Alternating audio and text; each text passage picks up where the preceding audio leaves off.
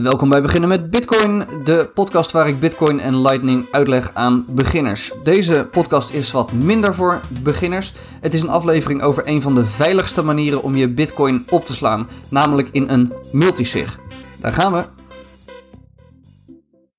Nou, voordat ik over een multisig uh, begin, moeten we het eerst even hebben over de theorie van een normale transactie. En als het volgende volledig uh, vreemd klinkt, of als je net begonnen bent met de podcast, luister dan aflevering 6 of luister aflevering 6 opnieuw. Want daar ging het over transacties. Maar goed, even de, de basis dus van een normale transactie.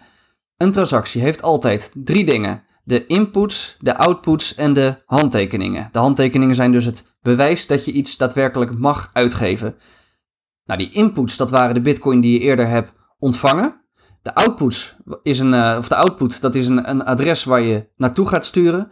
En um, ja, in dat adres, daar staan dus de voorwaarden om het uit te mogen geven. En luister dan aflevering uh, eh, 7 voor meer informatie over die voorwaarden. Maar het komt erop neer dat in dat adres, dat adres uh, waar je het naartoe stuurt, daarin daar zit de informatie, zoals bijvoorbeeld de voorwaarden als iemand de private key ABC123 heeft, dan mag dit worden uitgegeven. Dus opnieuw, je had de inputs van je, uh, je transactie. Dat zijn gewoon jouw eigen bitcoin die je eerder hebt ontvangen, die je mag uitgeven. De outputs, dat is dan een adres, dus een setje voorwaarden van um, ja, hoe die bitcoin daarna weer uitgegeven mogen worden.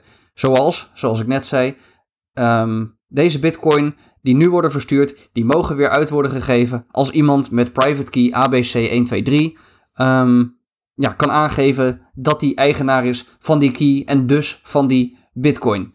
Nou, dat zijn dan de, de inputs en de outputs, oftewel waar komen de bitcoin vandaan en waar gaan ze naartoe en met welke voorwaarden uh, worden ze verstuurd. En als laatste heb je in een transactie de handtekeningen. En die bewijzen dat deze bitcoin echt uitgegeven mogen worden door de, de uitgever. Want die, uh, die handtekening die wordt gezet door iemand die heeft een bepaalde private key, die heeft een bepaald geheim. En daarmee kan die bewijzen dat hij mag uitgeven. Nou, die handtekeningen die heten witness data of, of getuige data.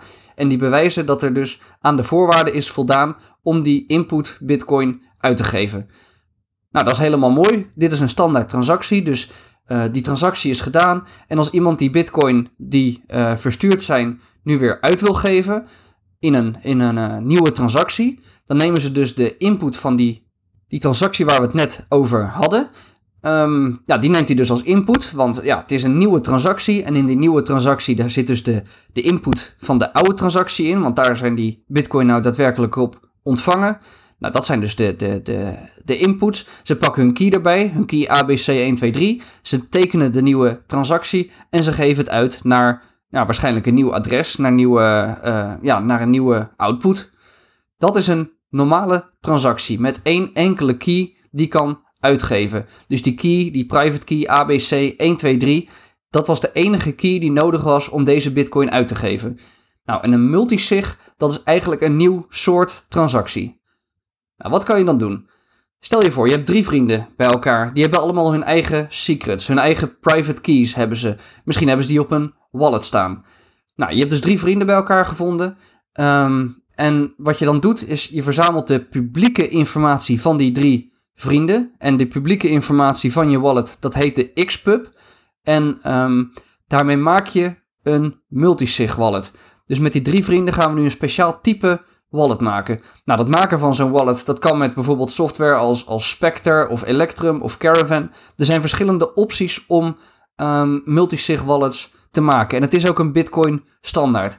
Dus in die software, aan, uh, in die software geef je aan dat je met drie vrienden bent. Je zegt, um, uh, ja, we zijn met z'n drieën. En je zegt, ik wil dat er twee van, de drie twee van de drie vrienden, het maakt niet uit wie, maar er moeten er twee zijn om het uit te mogen geven. Dus je bent met z'n drie in totaal en twee mensen zijn nodig om uit te mogen geven. En dat heet dan een 2 van 3 multisig. Dus twee mensen van de drie zijn nodig om uit te geven. Nou, je kan ieder getal kan je kiezen. Je kan ook kiezen een 3 van 5, of een 3 van 3, of een 2 van 2. Nou, hier kan je heel interessante constructies mee gaan maken. Nou, daar vertel ik zo even wat meer over, over wat je hier praktisch nou mee kan. Nou, je hebt nu dus die wallet, die heb je gemaakt. Die wallet, die multisig wallet, die kan je delen met uh, drie vrienden. Ja, en dan wordt het leuk. Want de software die uh, de multisig wallet bevat, die gedraagt zich eigenlijk redelijk als een, als een normale wallet. Zo'n wallet waar ik het in aflevering 2 ook over had. Uh, want die multisig wallet, die heeft gewoon adressen waar je naartoe kan sturen. En je kan je bitcoin uitgeven vanuit die wallet software. Nou, je hebt dus nu die wallet. Uh, eigenlijk heb je die wallet, die heb je gestuurd naar je drie vrienden. En die, die kunnen allemaal een ontvangstadres maken van deze multisig wallet. En dat ziet er gewoon uit als een normaal adres wat je kent. Uh, ja, BC1 en dan een hele hoop tekens. En ja, deze speciale multisig wallet, het is een speciale wallet, maar het ziet eruit als een normaal adres. En mensen kunnen er ook gewoon naar uh, Bitcoin naartoe sturen. Ja, en als die bitcoin er naartoe worden gestuurd, dan staan die op die multisig wallet. En vanuit de wallet, uh, vanuit die multisig wallet, vanuit die software, bijvoorbeeld Spectre, Electrum of Caravan, er zijn er meer, maar ja, vanuit die wallet software kan je nu zeggen, ik wil die bitcoin weer gaan versturen. En hier komt nou het verschil met een normale wallet. Want een normale wallet die heeft zelf die private key om die transactie te sturen. En dat was ook het enige wat er nodig was om die transactie te sturen. Maar bij deze multisig software, daar tekent de software uh, vaak als eerste. Die heeft dan één key. Um, maar dan is er nog een handtekening nodig van die vrienden. In dat voorbeeld waar we met drie vrienden waren en er waren twee signers nodig. Nou, stel dat eentje het wil uitgeven, dan zet hij zijn eerste handtekening zelf, want die heeft hij. En dan um, heeft hij nog, om die transactie te mogen doen, anders vindt het hele Bitcoin-netwerk anders, accepteert dat netwerk het gewoon niet. Er is een tweede handtekening nodig om die transactie te mogen versturen. Dus um, nou, de verzender, de, de persoon die die transactie heeft gemaakt, die heeft nu een, die heeft een bestandje staan waar één handtekening maar in staat. En dat is dus een, een, een maar deels getekende transactie. Hij is nog niet compleet, hij mag niet, nog niet worden verstuurd. Nou, die, die deels getekende transactie, die kan die dan naar een van die andere vrienden sturen. Want uh, ja, er waren twee handtekeningen nodig. Dus dat bestandje, dat stuurt hij naar een van die andere vrienden. Die tekent die transactie met zijn wallet, met zijn secrets. En op dat moment, als een van die twee anderen dus um, ja, die die transactie getekend heeft, dan is het een geldige transactie en dan kan die naar het netwerk worden gestuurd. Dan is al het bewijs is er dat er genoeg keys zijn om die bitcoin uit te mogen geven. Want de voorwaarde van de wallet was er zijn twee van drie handtekeningen nodig. En uh, nou ja, als die tweede vriend dus getekend heeft, dan zijn er twee handtekeningen en dan kan het worden verstuurd.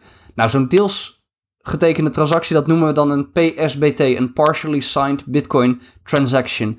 Ook weer een standaard. En dat bestandje, um, ja, met die deels getekende transactie, ja, dat is gewoon een, een, uh, een bestandje wat je door kan sturen naar je uh, vriend. Ja, dus best wel interessant. Je hebt dus een een wallet, een multisig wallet. Je kan gewoon ontvangen als een normale wallet. En dan met dat uitgeven moet je soms wat extra uh, stappen doen. Wat extra mensen bij elkaar zoeken om uh, die transactie te mogen uh, versturen. Nou, zelf vond ik Electrum heel goed wer werken om die multisig te doen. dat is ook wallet software. daar zit het ingebouwd, deze multisig. Ik vond Spectre er goed uitzien. Um, het werkte ook samen, dus iets wat ik in Electrum had gemaakt als multisig, dat kon ik dan weer in Spectre kon ik dat uh, zien gebeuren. Want ja, het is echt een, een, een soort standaard. Nou, een soort standaard. Het is een standaard, die multisig. En um, iets wat ik had gemaakt in Electrum, ik kon ook zien in Spectre wat er daarmee uh, gebeuren in de Spectre uh, wallet. Caravan heb ik ook gekeken. Iets minder fan ben ik daarvan. Dat werkte iets minder goed. Die gebruiken nog wat oudere standaarden. Um, maar goed, op zich, als je weet wat je doet, kan ook Caravan kan, uh, werken voor je. Nou, dat is de basis van een multisig. Ja, en wat ga je hier nou mee doen? Nou, dit kan heel interessant zijn voor bedrijven. Stel, um, je hebt een, een directeur, je hebt een hoofd van de financiële afdeling en je hebt een financiële medewerker. Dat zijn dus drie personen. Um, die kunnen een 2 van 3 multisig gaan maken. Dat er twee van de drie mensen nodig zijn om een transactie te sturen. Dus we hadden de, de directeur, het hoofd van de financiële afdeling en de medewerker. Nou, stel nou dat die medewerker salaris wil uitbetalen. Nou, de, de medewerker die begint de transactie. Ze gebruikt de, uh, de multisig wallet van het bedrijf en ze zet één handtekening namelijk haar eigen handtekening van haar eigen uh, wallet. Haar eigen wallet die uh, ja, maar deels aanspraak maakt op de bedrijfswallet. In haar eentje kan ze niet versturen, maar ze kan wel één handtekening zetten. En ze heeft dan nu uh, het hoofd van de afdeling nodig om ook te tekenen of de directeur. Ze kan dan kiezen. Nou, een van die twee, de directeur of het hoofd van de afdeling, die, die tekent de transactie. En dan kan die transactie worden verstuurd en niet eerder. Nou, dat, ja, dat is eigenlijk helemaal mooi. Um, maar stel nou dat die medewerker weggaat van die financiële afdeling, dan kunnen de directeur en het hoofd van de afdeling kunnen nog steeds het geld uitgeven met z'n tweeën, want zij hebben twee handtekeningen om het uit te kunnen geven. Nou, en hier kan je heel interessante constructies mee verzinnen. Misschien wil jij bijvoorbeeld uh, zelf een, uh, een hardware wallet thuis, maar um, ja, je wil niet dat als je wordt overvallen, dat mensen bij je bitcoin kunnen. Dus leg je bij twee bekenden, leg je een andere wallet en dan kan je samen een transactie doen. En als er dan iemand bij jou op de stoep staat, dan kan je die bitcoin, dus gewoon technisch gezien, kan je die niet uitgeven. Die staan veilig op meerdere uh, plekken. En er zijn meerdere plekken, er zijn wallets van meerdere plekken zijn er nodig om het uit te kunnen geven. Nou, en dat is de, de basis. En er is ook een hele hoop te ontdekken. Zoals gezegd, het mooie is dat multisig is een standaard. En um, nou, die wallet die ik had gemaakt met uh, Spectre, die kon je dan ook weer zien in Electrum en andersom. Dus niet iedereen die hoeft hetzelfde uh, programma te gebruiken. En ook in hardware wallets, zoals een Coldcard, daar zit uh, support voor multisigs zit daarin. Dus dat kan je, die Coldcard die kan je gaan gebruiken in je multisig oplossing. Nou, en als laatste nog wat meer info. Dus die vrienden die hebben allemaal hun eigen keys. Dat kunnen hardware wallets zijn, dat kunnen telefoons zijn, dat kan software zijn op computers. Um, dat is allemaal te mixen en zo kan je het zo veilig maken als je wil. Wat ik wel zou zeggen, zorg nou alsjeblieft dat je het over 10 jaar nog begrijpt dat uh, je niet een heel uh, lastige setup gaat maken die je over tien jaar, ja, waar je helemaal niet meer uitkomt wat je nou uiteindelijk hebt gedaan. En dat je dan um, door de complexiteit niet meer bij je bitcoin kan. Dus zorg dat je het of goed documenteert of gewoon echt een, een standaard aanhoudt en weet gewoon wie die vrienden zijn. Nou, als allerlaatste, als je nou mee wilt testen, ik heb een apart Telegram groepje gemaakt voor multisig testers om dit soort dingen te testen. Dus ja, met een paar mensen heb ik daar zo'n multisig wallet gemaakt. En um, we deden dan niet echte bitcoin sturen, we deden op testnet. Testnet is een tweede versie van uh, bitcoin met uh, waardeloze muntjes. Testnet bitcoin. Um, om, om, ja, om dit soort dingen te testen. En daar, daar hebben we in die Telegram groep hebben we de informatie bij elkaar verzameld. We hebben een wallet gemaakt en we zijn naar elkaar gaan sturen. En ja, toen ben ik er echt achter gekomen dat het heel erg makkelijk was. Nou, je kan toegang vragen tot die groep via de uh, Beginnen met Bitcoin Telegram groep.